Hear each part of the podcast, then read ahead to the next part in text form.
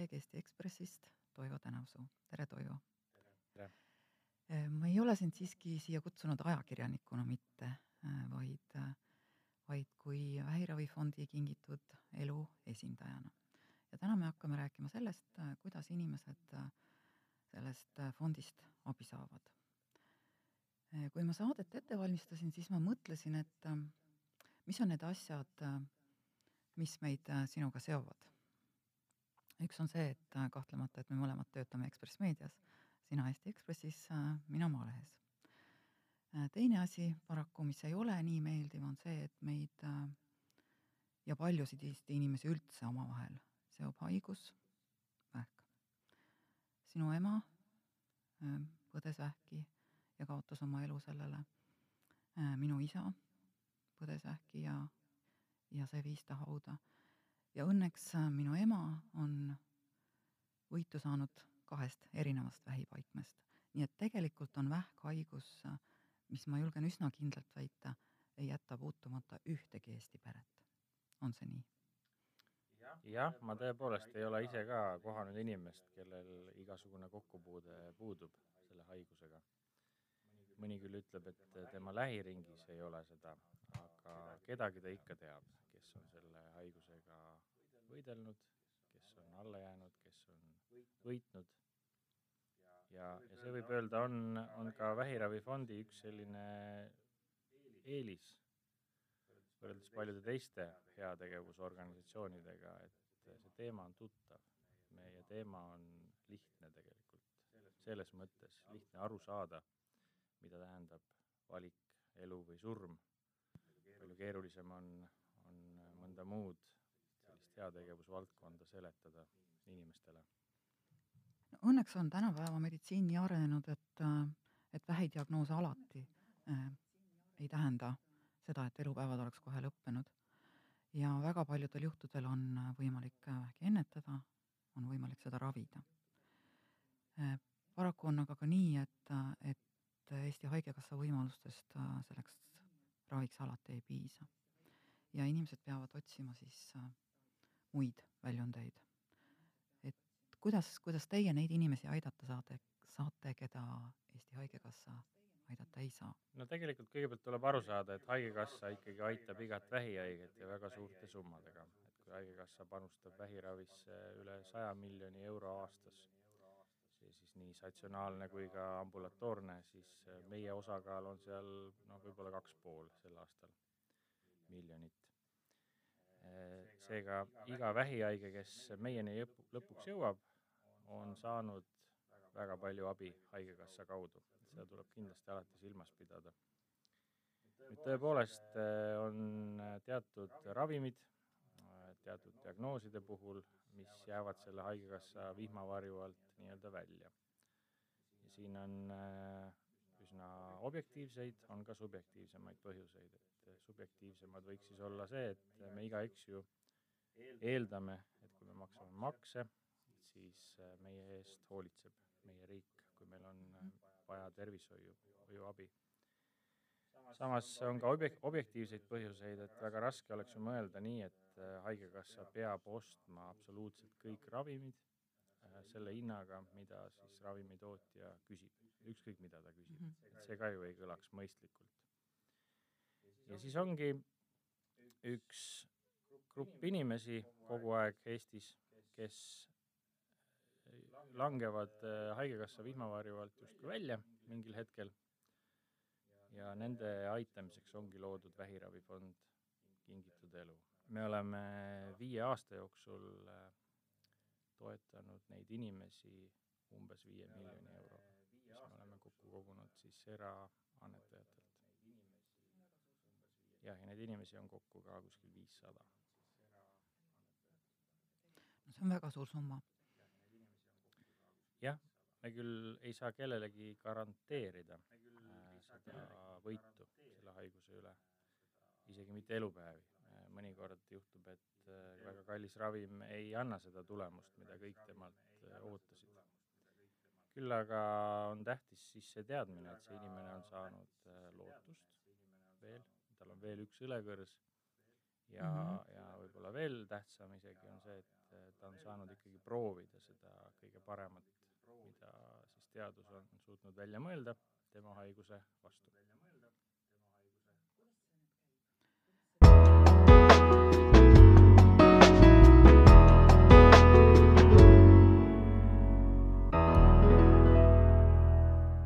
Äh, kuidas see nüüd käib?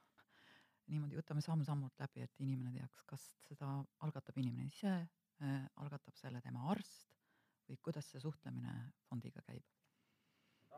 tavapäraselt eh, tuleme siis meie päevakorda seal arstikabinetis, kus inimene on eh, konsultatsioonil oma tohtriga ja tohter ütleb, et nüüd on Haigekassa võimalused ammendunud, me oleme proovinud seda, teist ja kolmandat ja, ja see kolmas, mis me oleme proovinud, ka enam ei toimi, et nüüd oleks vaja mingit järgmist käiku, mille jaoks aga meil Haigekassa raha ei ole. siis tuleb alati mängu vähiravifond. ja taotluse kui sellise teeb ikkagi patsient ise. arsti poolt tulevad siis taotluse juurde epikriis, selline suunamiskiri, mis on siis mõeldud selleks, et, et arst suunab oma patsiendi meile ja ütleb, mida tal on täpselt vaja, kui palju ja mis on selle asja eesmärk mm. -hmm. ka selle sõnastab ära. ja samuti ka ravimi hinna kalkulatsioon tuleb siis kas haiglast, arsti käest või apteegist. aga meie jaoks on ülitähtis see, et, et mitte lihtsalt ei ole arstil see meie taotlusblankett juba kusagil mm -hmm. välja prinditud, et kirjuta lihtsalt siia oma allkiri ja ja me saadame selle ise vähiravifondile, seda me üritame vältida, me tahaks näha seda, et arst on oma patsiendiga väga põhjalikult läbi arutanud, mis raviga on tegemist, mida see reaalselt võib anda. sageli ju ei ole isegi kõne all teema, et see võiks terveks teha, see ravim, et jutt käib ju aja pikendamisest paljudel juhtudel. ja veel väga oluline küsimus, et kust see raha sinna vähiravifondi tuleb see ei ole Haigekassa kaks, kus saab abi see inimene, kes Haigekassa ühest ei saa abi. et see on annetajate raha, mille meie oleme noh, piltlikult öeldes nagu ühe euro kaupa kokku kogunud. mõni ütleb lausa, et kerjates. meie nii ei arva. noh, see, see võib skeptikutele, skeptikutele nii paista, et kerjates, aga tegelikult ega see raha küsimine ei ole kerge töö üldse mitte see nõuab ikkagi väga palju noh, ka, ka julgust lihtsalt. jah, et tähtis on, et patsient teeks oma nii-öelda läbikaalutletud otsuse, kui ta meilt taotleb abi. aga ütleme, bürokraatia ei ole midagi keerulist. meil on kodulehel see blankett on olemas, seal on küll äh, mõned leheküljed selliseid nii-öelda lepingupunkte või, või nii-öelda disclaimer eid inglise keeles äh, lihtsalt selleks, et patsient saab aru, mida ta teeb, kui ta meilt abi taotleb. millised on, on meie võimalused, tema kohustused ja nii edasi. Te olete selgelt võtnud ähm, tõenduspõhise ja näidustatud siis sellele patsiendile näidustatud ravisuuna. miks te nii otsustasite? Tegelikult on see sellel põhjusel, et me ju ei tea nende alternatiivsete asjade kohta sageli seda, kas selle taga on reaalsed teaduslikud uuringud, et need asjad toimivad või mitte. et kui me hakkaks rahastama ka mingisuguseid alternatiivseid asju, siis tekiks küsimus, et mille alusel me siis -hmm. arvame, et need asjad üldse toimivad ja miks me rahastame vot seda, aga mitte toda. et siis läheb see see, see laegas nagu lahti ja, ja, ja me ei suuda võib-olla isegi põhjendada enam, et miks me, millele me raha kogume üldse, miks me midagi teeme. seetõttu jah, meie piir on äh, tõenduspõhine ravi, mis äh, ei tähenda seda samas, et, äh, et me oleksime sellised üdini farmaatsia usku, et mina isiklikult näiteks ei ole. farmaatsia võib, võib toimida, aga sama hästi võib toimida ka midagi täiesti alternatiivset imesid sünnib ka mm. -hmm. aga lihtsalt teie noh, vähiravifond on valinud selle suuna, et imede ootamist ta ei rahasta, piltlikult öeldes. jah, seda me ei rahasta, sest me lihtsalt ei oska seda rahastada. ja ma arvan, et on ka üpris oluline meie annetajatele, et me hoiame sellist kitsast fookust, kitsast väga täpset, selget fookust, et inimene teab, mida me täpselt rahastame tema raha eest. me võiksime ju ka tegeleda ennetusega näiteks, pakkuda mingeid tugiteenuseid, aga jällegi, seda me ei tee. võib-olla kunagi. Tulevikus mingil kujul teeme, aga praegu mitte, just selleks, et hoida oma fookust, teha ühte asja. võimalikult hästi. kas sel põhjusel on ka psühholoogiline abi äh, teie rahastatavate teenuste nimistust nii-öelda väljas, et, et te, te püüate just hoida seda ühte fookust? just, ravi kui selline. Mm, -hmm. Ravimid mm -hmm. ja ka raviprotseduurid on põhimõtteliselt võimalikud.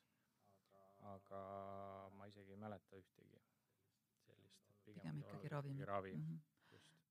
ja kui midagi on vaja sinna juurde veel, ähm, noh, mingi protseduur käib koos ravimiga kaasas, siis on olnud juhuseid, kus ikkagi haigla leiab oma vahenditest selle võimaluse või on vaja teha mõni uuring veel juurde või midagi säärast mm. -hmm. Ka neid me ei ole rahastanud. Te olete ka selgelt välja öelnud selle, et need ravimid, mille kasutamist te rahastate, need, nendel peab olema müügiluba. et äh, mida see tähendab, kas see tähendab, et müügiluba Eestis või maailmas üldse? põhimõtteliselt müügiluba Euroopas äh, mõnikord on juhtunud, et me oleme toonud mõne päris uue preparaadi ka Eesti turule mis Euroopas on müügiloaga, aga Eestis noh, alles kirjutatakse eestikeelset etiketti põhimõtteliselt. küll aga on mõningaid erandjuhtumeid, kus äh, mõni ravim, mis on äh, olemas juba Eestis, aga konkreetse diagnoosi puhul noh, alles on tehtud värsked uuringud, et toimib ka sellele diagnoosile. näiteks need uuringud on tehtud kuskil Ameerikas, põhimõtteliselt nagu Euroopas veel näidustust ei olegi, aga mõnikord oleme võtnud niisuguse riski äh, ka tegelikult koos patsiendiga, et, et rahastame ka sellistel puhkudel. siis võib juhtuda küll see, et äh, patsiendi omaosalus on mõnevõrra suurem ja meie osalus mõnevõrra väiksem. kas see omaosalus on mingi kindel äh, protsent ravimi maksumusest alati enam-vähem või te otsustate igal juhul individuaalselt? individuaalselt me küsime maksimaalselt võimalikku omaosalust, mis inimesel on, on välja pakkuda.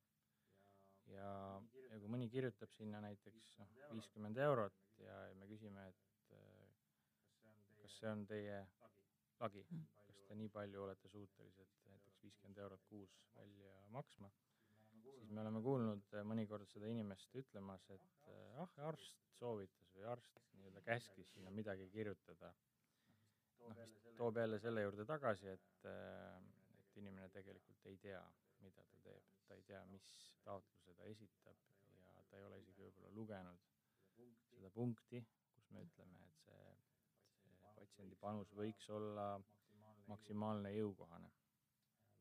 loomulikult on see oluline, see omaosalus, sest äh, mida suuremad omaosalused inimestel, seda rohkemaid inimesi me saame toetada, suuremat hulka eriti oluline on see nendel puhkudel, kus eh, noh, meil tõesti on nagu kassa vabast rahast tühi.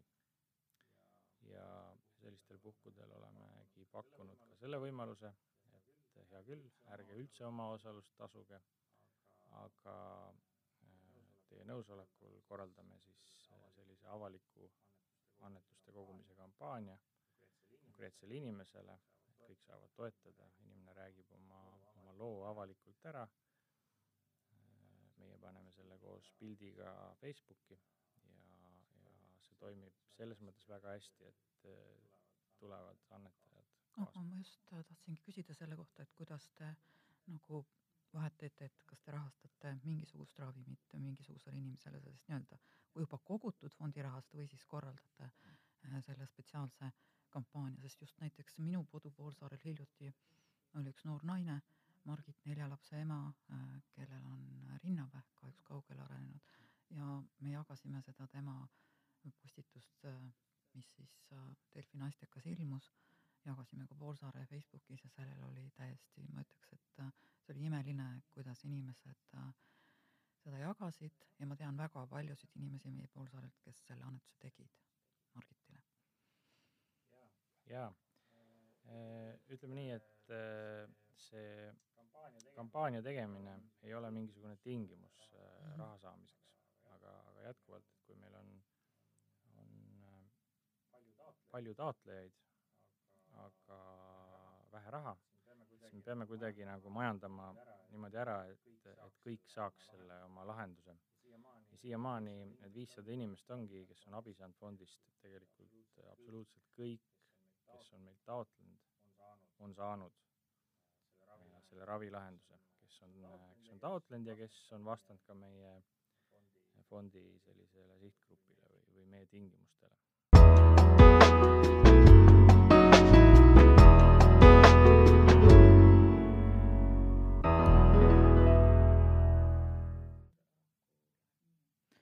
mis saab siis, kui, kui raha on kogutud, ravim on ostetud, inimene hakkab, talle hakatakse seda manustama, aga elu paraku läheb nii, et, et seda ravimit ta lõpuni kasutada ei jõua. see jääb üle, kas siis ravim või, või raha, et mis, mis edasi saab nende asjadega? Neid juhtumeid paraku on ja, ja üpris sageli. sellistel puhkudel saame kogutud annetusi kasutada mõne teise patsiendi raviks ja mis puudutab ravimeid, siis meile küll pakutakse neid, et noh, me toome siis teile tagasi selle, pereliikmed kirjutavad, kui juba lähedane on lahkunud, et meil jäi mingit kallist ravimit üle. et me ei saa seda kahjuks kellelegi vahendada, meil pole sellist õigust. küll aga on mõnikord juhtunud, et kaks patsienti saavad omavahel kokku ja, ja, ja üks siis toetab teist pooliku ravimikarbiga ja selliseid juhtumeid on olnud. noh, käivad nagu käest kätte. Mhm. kas oleks kasu ka sellest, et, et patsiendi omaksed viiksid selle ravimi näiteks tagasi, mis neile on kasutu ju äh,, patsiendi raviarstile ja tema saaks siis seda vajadusel äh, mõne teisele patsiendile anda? on viidud, aga ka arstid tegelikult ei tohiks neid vastu võtta. aga on seda teinud tõepoolest ja, ja, ja nii mõnigi inimene on saanud väga suure rahalise võidu sellega, et on näiteks mõni ravimikarp, millest on kolm, kolm kapslit on võetud, ülejäänud ma ei tea, kolmkümmend kapslit on alles või kuuskümmend kapslit ja ja selle karbi hind on näiteks kuus tuhat eurot. nii et iga tabletikene võib-olla seal maksab umbes sada eurot, et seda ikkagi päris prügikasti visata ei ole väga ratsionaalne no ütleme siis siinkohal, et, et kasutagem nende asjade puhul sellistes olukordades tervet talupojamõistust. Jah, tehkem nii, nagu see meile ette ütleb. aga on sul, on sul tuua mõni äh, tore tervenemise näide, mis võiks inimesi julgustada äh, pöörduma fondi poole? me oleme sellist statistikat teinud, et umbes nelikümmend protsenti kõikidest meie abisaajatest saavad siis tänu vähiravifondile vähemalt ühe lisaeluaasta. Paljud neist saavad ka kaks, kolm, neli, mõni elab siiamaani fondi algusaastast alates meiega. seda on päris palju. tervenemisi ei ole palju, neid võib olla umbes viis või kuus näidet ja aga me kunagi ei tea, millal see kellegagi võib juhtuda. lootusetus olukorras inimene, kaugele arenenud metastaatilise vähiga ja tuleb välja sellest ravist täiesti puhtalt. Kõige tuntum näide võib-olla on Annabel, kelle raviks me siis aasta tagasi kogusime üle kahesaja tuhande euro ja tüdruk sai siis väga kallist neuroblastoomi ravi mis lõppes tänavu kevadel võidukalt, ehk siis arstid tunnistasid tüdruku haigusvabaks. ja enne seda veel juhtus sama asi viieaastase Taurisega, sama ravi, sama ravim ja sama lõpptulemus. on ka meil olnud näiteks üks Põlva vanaema, kes paranes oma rinnavähist oh,. ma arvan, ma mäletan seda vanaemat, Maaleht kirjutas temast. täpselt nii, jah. ja, ja siis on üsna palju olnud ka neid inimesi, kes tõesti on nende elule saanud mitu korrust juurde. üks neist näiteks Mustvee pereisa Alar, samuti ja, kalli melanoomi ravi võimaldasime ja kellel minu teada siiamaani läheb väga hästi.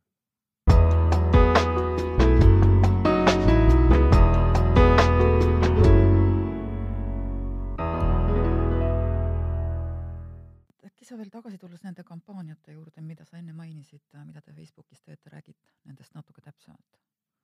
jah, meil on igal aastal olnud võib-olla paar-kolmkümmend niisugust kampaaniat, mida me Facebookis teeme ja mis siis kajavad edasi ka portaalidesse, kus siis kogume mõnele inimesele siht, sihtotstarbelisi annetusi.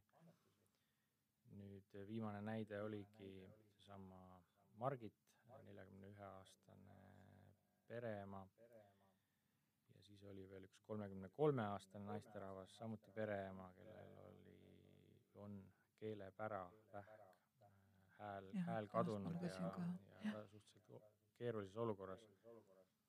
ja mõlemale tegime siis niisuguse avaliku kampaania ühe nädala jooksul. ja tegelikult nende inimeste raviks on kogunenud praeguse seisuga kokku kusagil kuuskümmend tuhat eurot vähemalt. nii et ma ütlekski, et vähiravifond on saanud nagu rahvaliikumiseks omamoodi, kui kellelgi on midagi vaja, see on tema jaoks eluliselt hädavajalik, siis kedagi ei jäeta hätta. isegi kui fondil vaba raha justkui ei ole, meil on kogu aeg mitmed sajad tuhanded eurod pangaarvel, aga kogu aeg on need summad ka kellegi ravi alla juba ära broneeritud. ja mõnikord juhtubki, et meil ei ole vaba raha justkui raamatupidamislikult. aga sellistel puhkudel just niisugused avalikud kampaaniad tõmbavad Eesti inimesed jälle kaasa ja mitte keegi ei ole siiamaani jäänud rahapuudusel meie toetuseta. küll on olnud meil nõukogu poolt ka ei vastuseid inimestele, taotlustele, aga iialgi ei ole nende põhjus olnud rahapuudus. aga mis on põhjuseks olnud? mõnikord on põhjuseks olnud see, et ravim ei ole konkreetsele haigusele näidustatud ikkagi. et siis arst on teinud nagu igaks juhuks sellise kerges meeleheites juba tegelikult sellise taotluse, et, et prooviks. ja kui ikkagi ei ole uuringuid selgeid taga, mis kinnitaks, et selle haiguse puhul see ravim võiks töötada, siis me pigem hoidume rahastamast. just seetõttu, et mitte anda valesid signaale ka meie annetajatele. mõnel juhul on inimene enne ravi algust juba niivõrd kehvas seisus, meie nõukogu näeb epikriisist tegelikult ära, et on proovitud väga sarnaseid ravimeid, need ei ole andnud tulemust ja, ja ravil tõesti ei ole mõtet. Ja on ka soovitud, vähemalt teinud, tehtud selliseid päringuid, et kas te rahastate mingisugust alternatiivravi, et näiteks viirusravi Riias või, või mingisugust võnketeraapiat kuskil Venemaal, mingite vitamiinide ostu ja siis me tõesti ütleme, et ka seda me kahjuks ei tee. Selge, ma arvan, et need on, on väga head ja ühesed reeglid selles mõttes, et tõesti, kui, kui asi laiali valguks, siis oleks sellist fondi nagu väga keeruline, keeruline pidada ja inimesi aidata selle kaudu. küsimused tegelikult, millega te tegelema peate, on seal ju vägagi meditsiinilised ja vägagi finantsilised. on, on sul abis finantsnõustajad, arstid, meditsiininõustajad, kes aitavad neid otsuseid teha, kes teil nõukogusse kuuluvad? Meil on nõukogus kaheksa inimest, kellest viis on äh, tipponkoloogid kolmest erinevast Eesti haiglast või nii-öelda vähikeskusest. ja need inimesed on meile äärmiselt olulised, tõepoolest, nad on ainsad, kes oskavad neid epikriise ju tegelikult lugeda ja, ja mõistavad äh, ravi kõige sügavamat sisu. samas on äh, nõukogu otsustusprotsess siiski võrdlemisi lihtne meil on harva äh, niisugused vaidlused äh, mõne, mõne patsiendi osas, et kas, kas me peaksime ütlema jah või ei. me ei ole kunagi pidanud valima, et Jüri saab ja Mari ei saa, me ei ole kahe inimese vahel kunagi pidanud valima. küll aga meie nõukogu äh, ei tee eriti sellist subjektiivset tööd, et noh, et kuidagi kaalub, kuidas sisetunne on, vaid, vaid pigem vaatab seda, et kas, kas taotlus vastab väga konkreetsetele tingimustele, umbes neli-viis tingimust. esiteks, et kas tegemist on onkoloogilise raviga, teiseks, kas tõepoolest Haigekassa seda ei rahasta, mõningatel juhtudel ta ju erandkorras siiski rahastab ja, ja tegelikult me eeldame, et patsient käib selle, selle teekonna ka läbi, et ta küsib Haigekassast vähemasti sellist eelhinnangut sellele. Kolmandaks, et eh, kas see ravim, mida soovitakse, on konkreetse diagnoosi puhul näidustatud. Neljandaks, kas tegemist on tõenduspõhise raviga, kas on konkreetsed kliinilised uuringud seal taga ja viiendaks muidugi ka see, et kas meil fondis on vabu vahendeid konkreetse inimese aitamiseks. ja kui need viis punkti on täidetud, selline checklist nii-öelda, et siis tegelikult see toetus on võrdlemisi automaatne.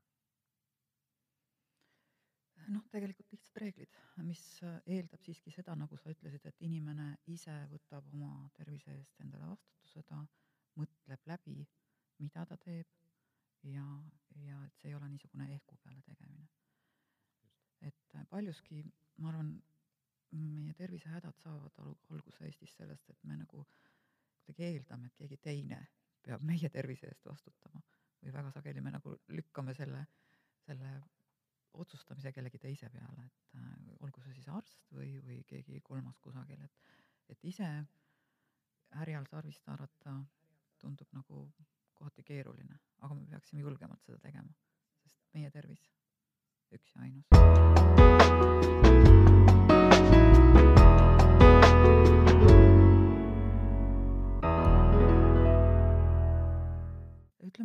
Lõpetuseks veel seda, oled sa mõelnud äh, selle peale, et sul endal võiks ka kunagi fondist abi vaja minna? ikka olen mõelnud. Äh, ma ise arvan, minu selline strateegia, kuidas oma tervisele läheneda, on see, et ikkagi sportlikud liikuvad eluviisid kindlasti.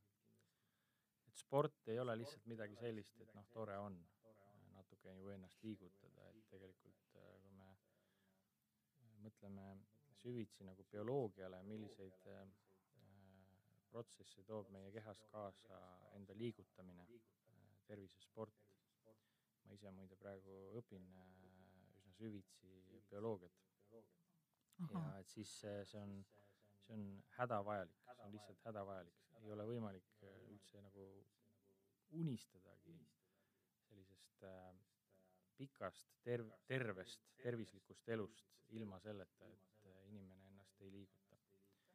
sa näed, ma tõstan kaks kätt püsti, ma olen kahe käega sinu poolt selles küsimuses. saavad äh, kõik teha, on see siis kepikõnd või, või jõusaalis äh, mõned korrad nädalaski rahmeldamine või, või midagi muud.